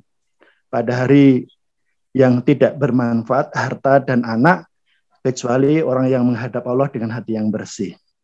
Artinya dalil dari Al-Qur'an tersebut mengatakan bahwasanya anak dan harta tidak bermanfaat. Sedangkan dari hadis Nabi tadi katakan dia akan bisa memberikan manfaat. Saya masih bingung ini Ustaz, bagaimana untuk menyatukan dalam konteks ini Ustaz. Mohon penjelasannya. Barakallahu fikum kepada Abu Zaki. Semoga Allah Subhanahu wa taala menjaganya, memberikan taufik hidayah kepadanya, memberikan kesehatan, memberikan keberkahan terhadap harta dan keluarganya dan juga kepada kita bersama. Tentunya di dalam ayat-ayat Allah Subhanahu wa taala dan juga hadis Rasulullah sallallahu alaihi wasallam sebenarnya tidak ada yang namanya istilah bertentangan secara zahir. Terutama adalah ayat yang tadi disebutkan di dalam surah Asy-Syu'ara, "Yauma la yanfa'u malun wala banun illa man atallaha biqalbin salim." Di hari di mana tidak lagi bermanfaat harta dan anak kecuali bagi mereka yang datang dengan hati yang salim. Namun di dalam ayat lain atau di dalam hadis Nabi Shallallahu Alaihi Wasallam seolah-olah Nabi menyebutkan bahwa anak itu memberikan manfaat. Nah kita tahu yang menjadi pembahasan khusus walaupun kita tidak mengkhususkan yang lebih identik dengan hadis Rasulullah Shallallahu Alaihi Wasallam adalah ketika berbicara tentang perkuburan yaitu ketika seorang sudah meninggal makanya Nabi menyebutkan izamata benu Adam apabila seseorang sudah meninggal Berarti ini ini belum berbicara tentang hari akhirat. Jadi poin yang harus kita ketahui. Apabila seseorang meninggal, berarti mereka ke mana? Ke alam yang kedua atau alam yang berikutnya itu alam barzakh. Tentunya alam akhirat itu masih jauh dan lebih identik kepada alam barzakh. Alam barzakh itu kita mengetahui alam di mana kita juga akan diberikan oleh Allah Subhanahu wa taala nikmat bagi mereka yang beriman dan azab bagi mereka yang tidak demikian. Nah, ketika itu, ketika Rasul berbicara tentang perkuburan, tentang alam barzakh, maka akan ada amalan-amalan yang bisa sampai kepada orang yang sudah meninggal walaupun mereka ada di perkuburannya. Jadi ceritanya adalah tentang mereka yang ada di kubur. Anak, ilmu, sedekah jariah, sehingga dengan ibadah-ibadah yang mana ibadah ini juga karena dia. Ini yang harus poin kedua. Yang pertama adalah berbicara tentang perkuburan atau alam barzah. Yang kedua adalah karena dia. Maknanya apa? Seluruh amalan yang dia lakukan adalah karena sebab dia. Anak yang soleh. Kenapa anak ini soleh? Karena usaha dia. Dia ajarkan Al-Quran, dia ajarkan sholat, dia ajarkan puasa, dia ajarkan agama, disekolahkan sekolah-sekolah yang agar mereka tahu tentang agama. Dia butuh usaha bagaimana dia berjuang, bagaimana orang berjuang atau orang tua berjuang untuk menyekolahkan anaknya agar mereka tahu tentang agama Allah. Itu adalah usaha dia. Ilmu yang bermanfaat, bagaimana dia mencari ilmu agama sehingga ilmu tersebut dirasakan manfaatnya oleh oleh orang-orang yang datang setelahnya. Begitu juga dengan sedekah jariah, masjid yang dia bangun, orang sholat di sana, semua amalan yang Nabi sebutkan adalah karena dia. Bukan tidak ada alasan Nabi Shallallahu Alaihi Wasallam menyebutkan sehingga alasan tersebut atau usaha yang dia lakukan karena dia maka selama dia berada di perkuburannya akan dipermudah oleh Allah Subhanahu wa taala. Sedangkan firman Allah Subhanahu wa taala, "Yauma" Apa kata yauma hari? Hari itu apa? hari akhirat. Yauma la yanfa'u malun wala banun illa man atallaha biqalbin salim. Yaitu hari di mana harta dan anak-anak lagi tidak bermanfaat. Itu waktunya di akhirat. Jadi berbeda waktunya, waktunya berbeda. Kalau seandainya pun kita samakan, kalau seandainya pun kita samakan, kali ini kalau kita berandai-andai, maka itu ayat yang menyebutkan yauma la yanfa'u malun wala banun itu bukan untuk semua orang. Karena di antara kebahagiaan kita, di antara kebahagiaan kita adalah ketika kita berkumpul dengan keluarga. Namun juga di samping itu Allah Subhanahu wa taala menyebutkan terkhusus bagi mereka-mereka yang banyak maksiatnya. Ini juga poin penting yang harus kita ketahui. Makanya Allah menyebutkan yubassarunahum di dalam surah Al-Ma'arij.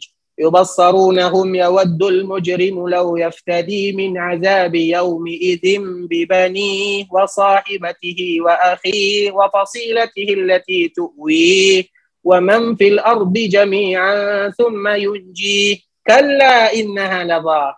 Itu adalah khusus bagi mereka-mereka yang banyak dosanya Kenapa? Karena mereka yang banyak dosanya mujrim kata Allah. Ya waddul mujrimu lau yaftadi min adabi yaumaidin bibani. Karena orang-orang yang mujrim, yang banyak dosanya, mereka akan mencari cara. Semuanya akan mereka cari. Di antara cara yang mereka cari apa? Mereka cari anaknya. Ya Allah, ambil anakku, masukkan mereka ke dalam neraka. Biar aku masuk surga.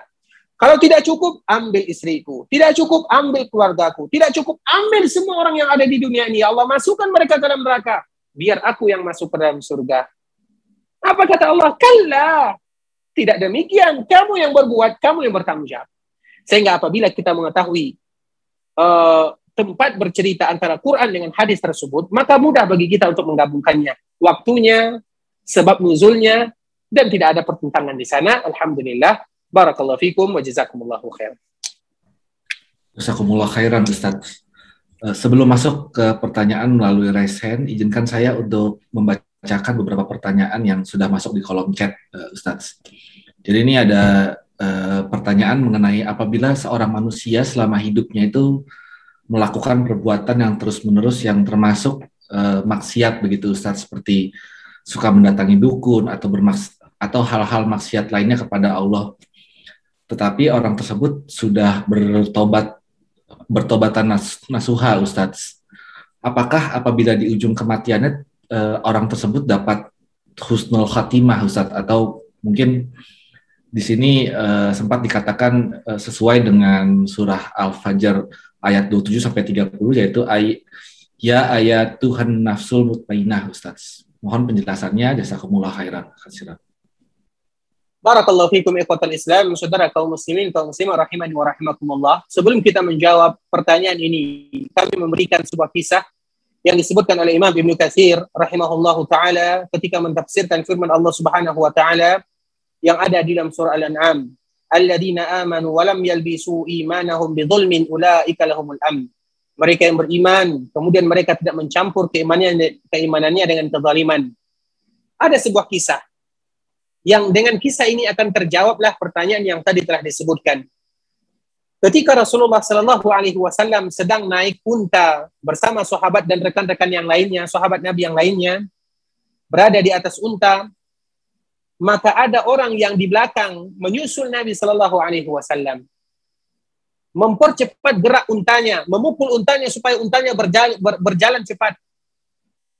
Dan Nabi melihat orang tersebut sehingga Nabi paham apa maksudnya. Berarti orang ini ingin bertemu denganku dan ingin bercerita denganku. Rasulullah Shallallahu Alaihi Wasallam akhirnya memanggil orang tersebut dan mempersilahkan dia untuk dekat dengannya. Ternyata orang ini bukan orang Islam. Kita tahu orang Islam atau bukan orang Islam apa yang dilakukan semuanya. Karena dosa yang paling besar adalah kesyirikan. Kemudian dia dekat dengan Nabi Shallallahu Alaihi Wasallam. Ketika dia sudah sampai dengan Nabi Shallallahu Alaihi Wasallam, dia bertanya kepada Nabi, Ya Rasulullah, alimnil Islam. Ya Rasulullah, ajarkan kepadaku tentang Islam. Dan dia, Nabi Shallallahu Alaihi Wasallam di atas onta, dia pun di atas onta. Coba bayangkan. Akhirnya Nabi Shallallahu Alaihi Wasallam menyebutkan tentang Islam. Dia itu syahadat, salat, puasa, zakat, dan haji. Kemudian apa kata orang tersebut yang baru saja mendengarkan penjelasan tentang Islam, dia mengucapkan satu kata saja. Akrartu. Ucapannya hanya satu kata saja. Akrartu. Saya menginginkan atau saya mengakui, akrartu, saya mengakui dan membenarkan. Maknanya apa yang tadi Nabi sebutkan, semuanya diakui. Dia percaya setelah dia mengucapkan akrartu, untanya pun tersandung. Dia jatuh. Ketika dia jatuh, wafat. Padahal dia belum pernah ruku dan sujud sekalipun untuk Allah Subhanahu wa taala. Apa kebaikan yang pernah dia lakukan di dalam Islam? Baru dia mengucapkan akrartu. Maknanya apa? Saya percaya dan dia ingin melakukan, namun dia belum melakukan. Apa kata Rasulullah sallallahu alaihi wasallam? Rasulullah Shallallahu Alaihi Wasallam menyampaikan kepada para sahabatnya, jangan dekat dia. Kenapa Rasulullah Shallallahu Alaihi Wasallam melarang? Ternyata Rasul melihat malaikat sedang memberikan minum kepadanya. Dia berkuda atau dia berunta, kemudian setelah dia bertanya, dia kehausan. Kemudian ketika dia jatuh, dia meninggal karena terjatuh dan juga meninggal karena kehausan sehingga malaikat memberikan air minum kepadanya. Padahal dia belum melakukan apa saja kecuali mengucapkan akrartu Allahu akbar kematian yang indah. Apalagi orang yang sudah bertaubat. Dulu memang dia melakukan ini melakukan kemaksiatan melakukan dosa ini dan itu. Kemudian dia bertobat melakukan kebaikan. Banyak kesempatan bagi kita untuk berubah beribadah mendapatkan husnul khatimah. Allah Maha Rahman Allah Maha Rahim Allah Maha Tawwab. Yang begitu saja disebutkan oleh Rasulullah Shallallahu Alaihi Wasallam akan masuk surga. Bagaimana mereka yang melakukan kebaikan-kebaikan yang lainnya? Oleh karenanya dari kisah ini terjawablah apa yang telah ditanyakan tersebut bahwa harapan kita sangat banyak dan masih banyak terutama ketika kita ingin kembali kepada Allah Subhanahu wa taala dan kita sudah melakukan yang terbaik dan semoga Allah memberikan kepada kita husnul khatimah barakallahu fikum. Selanjutnya kami persilakan kepada Irma Ahmad. Assalamualaikum warahmatullahi wabarakatuh. Waalaikumsalam warahmatullahi wabarakatuh. Terima kasih host sudah memberikan kesempatan kepada saya. Assalamualaikum warahmatullahi wabarakatuh Ustadz. Waalaikumsalam warahmatullahi wabarakatuh. Semoga uh, selalu dilimpahkan rahmat dan hidayah kepada uh, Ustadz dan keluarga. Amin, amin, amin, amin. Uh, ini Ustadz, saya mau menanyakan ada dua hal Ustadz. Pertama terkait dengan uh, lanjutan hadis uh, yang disampaikan Bapak Zaki tentang uh, apa uh, doa anak yang soleh. Nah, bagaimana dengan pasangan suami istri yang tidak memiliki anak tetapi banyak ponakan? Apakah itu juga termasuk di mana uh, uh, suami istri ini uh, memberikan banyak pe pembelajaran dan juga memberikan uh, apa misalnya biaya sekolah untuk anak tersebut dan nah itu apakah dan setelah uh, uh, kedua orang tua apa kedua suami istri itu wafat dan dia mendoakan apakah itu termasuk dalam hadis itu Ustaz? Yang kedua tentang uh, dulu Kak, uh, saya pernah dengar ada ke keyakinan ya uh, di di mana set, di setiap wafat dan saya juga merasakan sih dua kali waktu uh, orang tua saya wafat itu uh, kami mendengar ada kayak suara batuk di saat uh, uh, apa di satu hari itu uh, jenazah masih belum dikuburkan. Apakah itu sesuatu uh, apa uh, lumrah atau memang itu hanya uh, sekedar apa ya keyakinan yang salah Ustadz? Uh, demikian Ustadz jazakillah khair. Jazakallah khairan. Barakallahu fikum kepada ibu kita yang bertanya. Semoga Allah Subhanahu wa taala senantiasa menjaganya, menjaga keluarganya dan juga menjaga kita bersama. Untuk pertanyaan yang pertama berkaitan dengan awaladin salihin yad'ulah atau anak yang saleh yang telah mendoakan dia. Sebelum kita masuk kepada poin tersebut, ketika ada suami sepasangan suami istri yang mungkin belum diberikan karunia oleh Allah Subhanahu wa taala berupa momongan anak, kita tahu bahwa amalan yang bisa sampai kepada kita bukan hanya itu saja. Banyak yang lain yang tadi telah disebutkan dan kita telah menyebutkan. Namun ada poin terpenting terutama untuk masalah anak ini. Rasulullah Shallallahu Alaihi Wasallam menyebutkan di dalam hadisnya, "Idza mata Adam inqata'a amaluhu illa min salas." Yang pertama, awaladin salihin yad'ulah atau anak yang saleh yang mendoakan dia. Kalau seandainya kita melihat bahasa Arab, sebelum kita masuk ke dalam uh, awaladin saleh, di dalam bahasa Arab ada namanya ma'rifah dengan nakirah. Pernah kita sebutkan. Kita contohkan Al-Quran. Al-Quran ini, apabila kita menyebutkan dalam bahasa Arab Al-Quran, maka artinya adalah Al-Quran ini yang kita pegang sekarang. Al-Quran. Namun kalau seandainya kita menyebutkan Quranun, tanpa menggunakan alif lam atau yang disebut dengan nakirah Quranun maka itu artinya bukan Quran ini. Quran mana saja bisa jadi Quran ini, bisa jadi Quran itu, bisa jadi Quran sana, bisa jadi Quran sini. Nakirah namanya. Sekarang kita contohkan ke dalam hadis Nabi Sallallahu Alaihi Wasallam. Nabi menyebutkan waladin atau waladun salihun. Apakah ini kalimatnya ma'rifah atau nakirah? Di antara tandanya adalah menggunakan alif lam atau tidak. Di dalam hadis ini Nabi tidak menggunakan alif lam, waladin atau waladun, anak. Jadi pertanyaannya, anak mana? Anak siapa saja? Karena Nabi Shallallahu Alaihi Wasallam tidak pernah mengatakan anak dia, tidak anak Nabi Shallallahu Alaihi Wasallam. Mananya apa? Baik anak dia, anak didiknya, keponakannya, anak kakaknya, anak abangnya, anak siapa saja yang apabila anak tersebut menjadi anak soleh karena usaha yang dia lakukan, dia sekolahkan, dia didik, dia ajarkan, kemudian anak tersebut menjadi anak yang soleh, kemudian mendoakan, maka semuanya dapat. Tidak mesti bagi mereka yang punya anak. Begitulah rahmatnya Allah Subhanahu wa taala bahwa kita bebas. Sehingga ini merupakan kemuliaan bagi mereka yang menjadi statusnya guru agama betapa banyak anak-anak yang dia didik, ajarkan tentang agama Allah Subhanahu wa taala, ketika anak tersebut tumbuh besar, dewasa, dia pun meninggal, banyak yang mendoakannya dan inilah yang terjadi kepada Imam Syafi'i rahimahullah taala. Setiap kali dia berjumpa dengan seorang maka dia mengatakan wahai fulan, ayahmu adalah guruku dan aku tidak pernah lupa untuk mendoakannya. Padahal tidak ada hubungan darah di antara mereka. Namun Imam Syafi'i, dia berhasil menjadi seorang ulama, tentu ada gurunya. Gurunya adalah ayahnya yang sudah meninggal atau ayah fulan atau ayah orang lain tersebut. Sehingga di sini uh, dapat kita ambil kesimpulan anak tersebut anak siapa saja yang apabila menjadi saleh karena kita kita sekolahkan, kita bantu, bahkan anak yatim pun atau anak yang kita misalnya kita jadikan anak angkat misalnya tidak menjadi masalah apabila mereka menjadi saleh maka mereka akan sampai doanya kalau seandainya mereka berdoa kepada Allah. Kemudian untuk pertanyaan yang kedua, masalah tadi ada suara ketika ada yang meninggal satu kali atau dua kali. Kita jangan pernah hiraukan masalah seperti ini. Kita jangan pernah ke mana-mana pikiran kita. Oh berarti kalau seperti ini, seperti ini, kita hilangkan semuanya.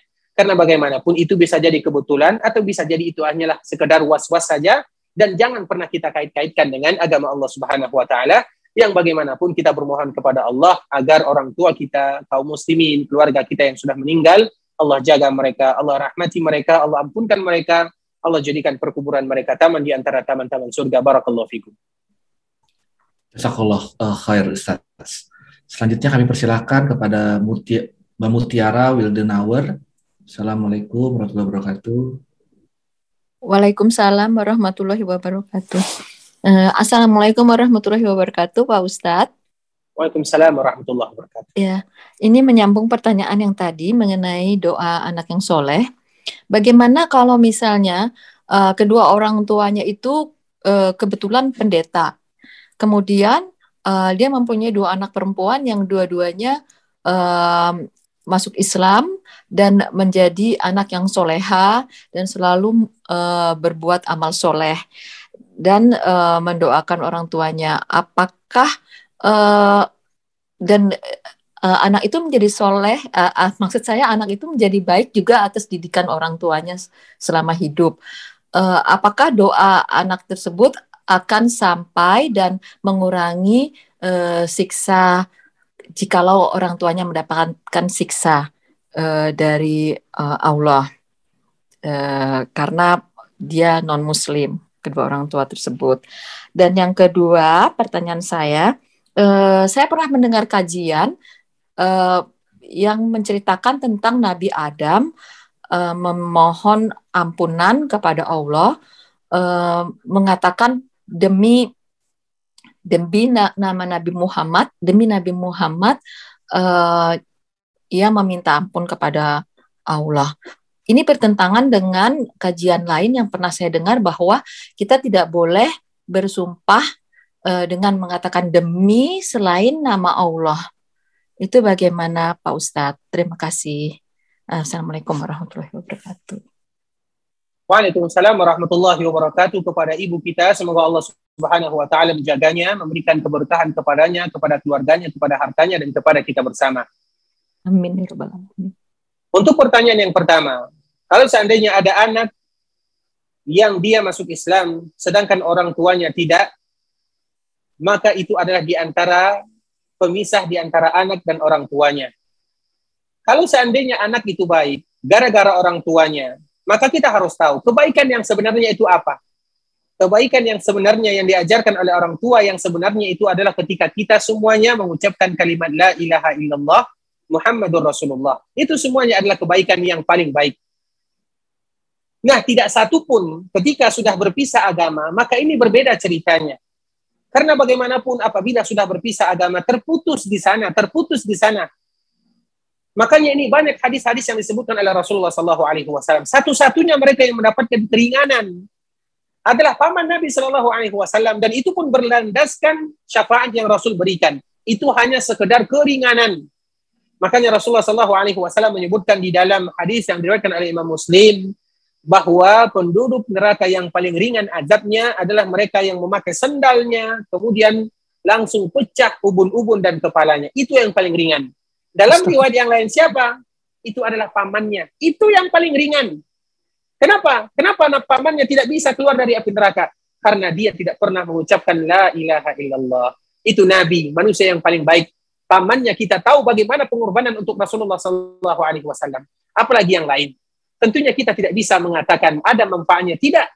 Karena sudah terputus dengan keimanan. Keimanan adalah tali yang sebenarnya antara orang tua dengan sang anak.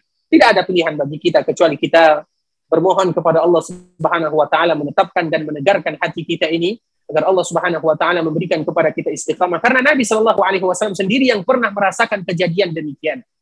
Kita lihat paman Nabi berapa jumlahnya? Paman Nabi saudara ayahnya Nabi Shallallahu Alaihi Wasallam. Jumlahnya ada 13.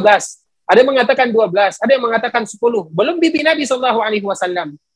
Dan yang mendapatkan agama Islam ketika Nabi menyebutkan risalah ada empat orang.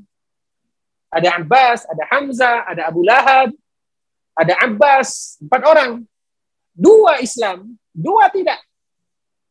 Yang Islam ada hubungan dengan Nabi kekerabatan dan hubungan agama. Sedangkan yang tidak Islam bagaimana? Tidak bisa memberikan Nabi manfaat kepadanya. Padahal itu adalah pamannya. Pamannya Abu Talib yang berjasa. Kita tahu bagaimana berjasanya Abu Talib. Orang yang paling berjasa kepada Rasulullah Sallallahu Alaihi Wasallam. Namun Nabi tidak bisa memberikan. Bahkan Nabi Shallallahu Alaihi Wasallam disebutkan minta izin kepada Allah Subhanahu Wa Taala untuk menghubungi atau untuk menjenguk perkuburan keluarganya yang meninggal dalam keadaan tidak Islam. Maka Allah Subhanahu Wa Taala memberikan izin karena bagaimanapun itu adalah hubungan. Namun ketika Nabi minta izin untuk mendoakan, maka di sinilah Allah Subhanahu Wa Taala tidak mengizinkan. Mendoakan saja tidak diizinkan oleh Allah Subhanahu Wa Taala. Kenapa? karena mereka meninggal dalam keadaan kekufuran kepada Allah Subhanahu wa taala. Tidak ada pilihan bagi kita kecuali kita dengan bermohon kepada Allah menetapkan hati, kekuatan, keimanan kita, ketabahan kita berada di dalam agama Allah Subhanahu wa taala. Kemudian untuk pertanyaan yang kedua, masalah Nabi Muhammad sallallahu alaihi wasallam, laulaka laulaka ma khalaqtu kada wa kada. Itu banyak hadis atau kita tidak boleh mengatakan itu hadis.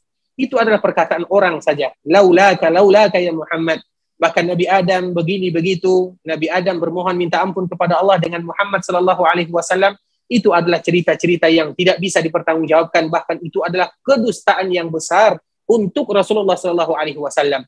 Tujuan orang yang menyebutkan demikian adalah ingin mengangkat Nabi, namun tanpa sadar mereka menghina Rasulullah sallallahu alaihi wasallam. Nauzubillahi. Kenapa? Mereka menisbatkan sesuatu yang Nabi tidak pernah ucapkan, mereka ucapkan. Apalagi yang berkaitan dengan laulaka laulaka nur yang disebut dengan nur Muhammad sallallahu alaihi wasallam. Nabi manusia yang termulia secara mutlak. Namun Nabi sallallahu alaihi wasallam memiliki kadar dan takaran yang tidak boleh kita lebih darinya. Makanya Nabi Shallallahu Alaihi Wasallam senantiasa menyebutkan la tablu, jangan kalian melakukan sesuatu yang sifatnya melampaui batas, jangan la tatruni kama atratin nasara Isa bin Maryam. Jangan kalian memberikan kepadaku sifat yang lebih sebagaimana orang-orang Nasara memberikan sifat kepada Isa. Apa akhirnya? Orang Nasara kita tahu kapan Nabi Isa itu baru dianggap menjadi Tuhan ketika empat abad setelahnya. Namun empat abad sebelumnya Nabi Isa dianggap biasa, dianggap seperti seorang nabi, namun dilebihkan Nah, kita harus mengambil pelajaran dari yang sebelumnya. Jangan terlalu berlebihan menyifatkan Nabi yang tidak pernah Nabi menyebutkan untuk dirinya. Atau yang lebih kita kenal dengan hadis-hadis. Bukan hadis lagi. Kita tidak bisa mengatakan itu adalah hadis. Itu adalah perkataan bohong. Kebohongan kepada Rasulullah SAW. Betul Nabi manusia yang paling mulia. Namun juga kita harus tahu bahwa hadis-hadis yang tadi disebutkan itu bukanlah disebut dengan hadis. Sehingga apalagi yang berkaitan dengan sumpah, kita tidak boleh bersumpah dengan nama selain Allah Subhanahu wa taala. Apalagi demi Rasul, demi ini, demi itu tidak boleh, tidak boleh. Makanya, apa kata Rasulullah sallallahu alaihi wasallam, "Man kana halifan falyahlif billah." Hadis yang sangat jelas, barang siapa yang ingin bersumpah, bersumpah atas nama Allah. Jadi jelaslah dari sini itu tidak yang pertama dari segi hadisnya bukanlah dinamakan hadis dan yang kedua masalah sumpah sebagaimana hadis yang telah kita sebutkan dan semoga Allah menjaga kita barakallahu fikum. Dan sebelumnya uh, kami mohon maaf bukan berarti kami tidak mau menjawab pertanyaan yang berikutnya. Namun di kota Madinah waktu maghrib sudah uh, masuk sehingga mungkin uh, sampai di sini dulu barakallahu fikum.